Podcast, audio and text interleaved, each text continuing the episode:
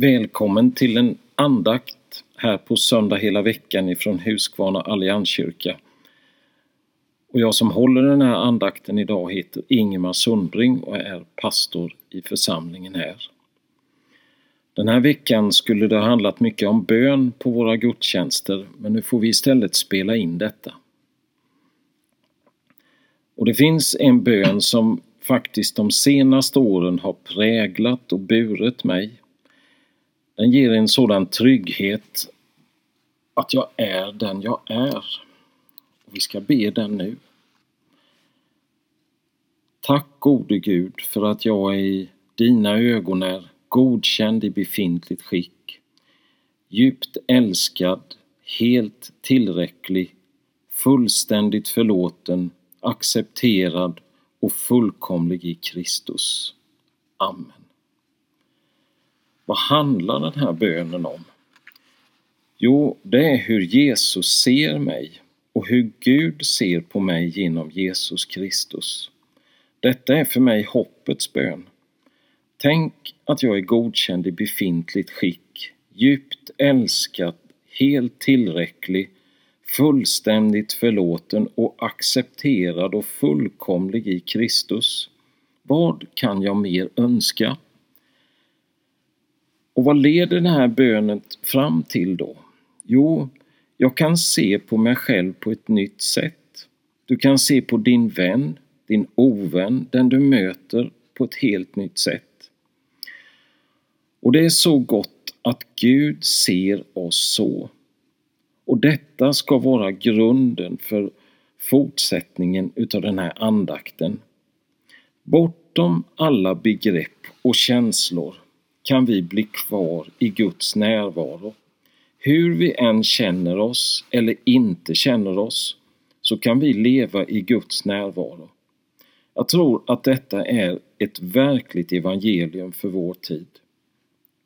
När man ständigt frestas att styras av hur det känns eller inte känns. Men Gud är närvarande. Därmed basta. Det räcker och det bär och det håller. Bönen, det är att få tillfälle att tacka vår store Gud. Att få tillfälle att tacka Jesus för frälsningen. Att få tacka den helige Ande för ledning och hjälp. Och bönen det är något av församlingens nav, kraftkällan för församlingens uppgift och funktion. Och det är också likadant i ditt eget liv. Bönen är därför livsviktig. Bönen, den här stora förmånen att få ha en möjlighet att gå och småprata med Gud hela tiden. Och det är helt förunderligt konstigt att han inte tröttnar på oss utan han vill alltid lyssna. Och det här är verkligen något att pröva, något att leva i. Bönen har faktiskt en fara också. Och det är att jag får ge upp mig själv.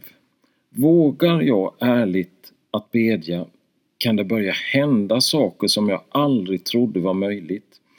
Den ärliga bönen ändrar mitt sätt att tänka, att vara, att handla. Vi vet ju alla att kroppen hålls till liv genom mat och själen hålls till liv genom bön. Och faktum är att be är viktigare än att äta.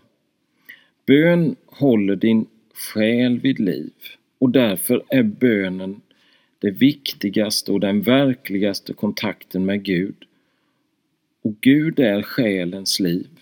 Det är vårt liv. Och om du inte ber kommer din själ att vissna och dö, liksom kroppen vissnar och dör om den inte äter. I allt detta så gäller en regel för oss människor. Det är att vi ständigt får lära oss från grunden. Visst har vi lärt oss att krypa allesammans och sen gå och sen springa. Och att lära sig krypa det är något självupplevt. Det är något på djupet i dig, en erfarenhet som du gjorde när du var liten, att du kunde ta dig vidare. En egen erfarenhet som fungerade. Och sen kunde du lära dig gå, lära dig springa. I bön så får man börja med att krypa. Man får börja där man är. Bön, den måste vara din egen erfarenhet. Ska man börja och be som en vuxen på en gång, en som kan springa, så blir det bara en spelad yta, den är inte djup. Det är många som talar om metoder. Att man ska ha metoder för att be för att det ska fungera. Och man säger att har man lärt sig en metod så funkar det. Men vi behöver inte behärska någon mystisk metod. Vi behöver inte behärska någon metod alls. Kan du tala med en vän? Ja, jag tror du kan göra det. Och då kan du tala med Gud, för han är din vän. Bön är helt enkelt att tala med Gud. Och det enklaste och viktigaste rådet angående bön, det är ett enda ord och det är börja.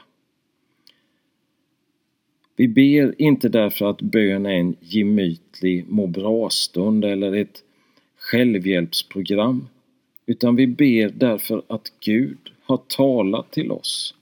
Gud vill att vi ska tala med honom. Bönen är ett svar på en tidigare gudomlig inbjudan att jag får be till honom.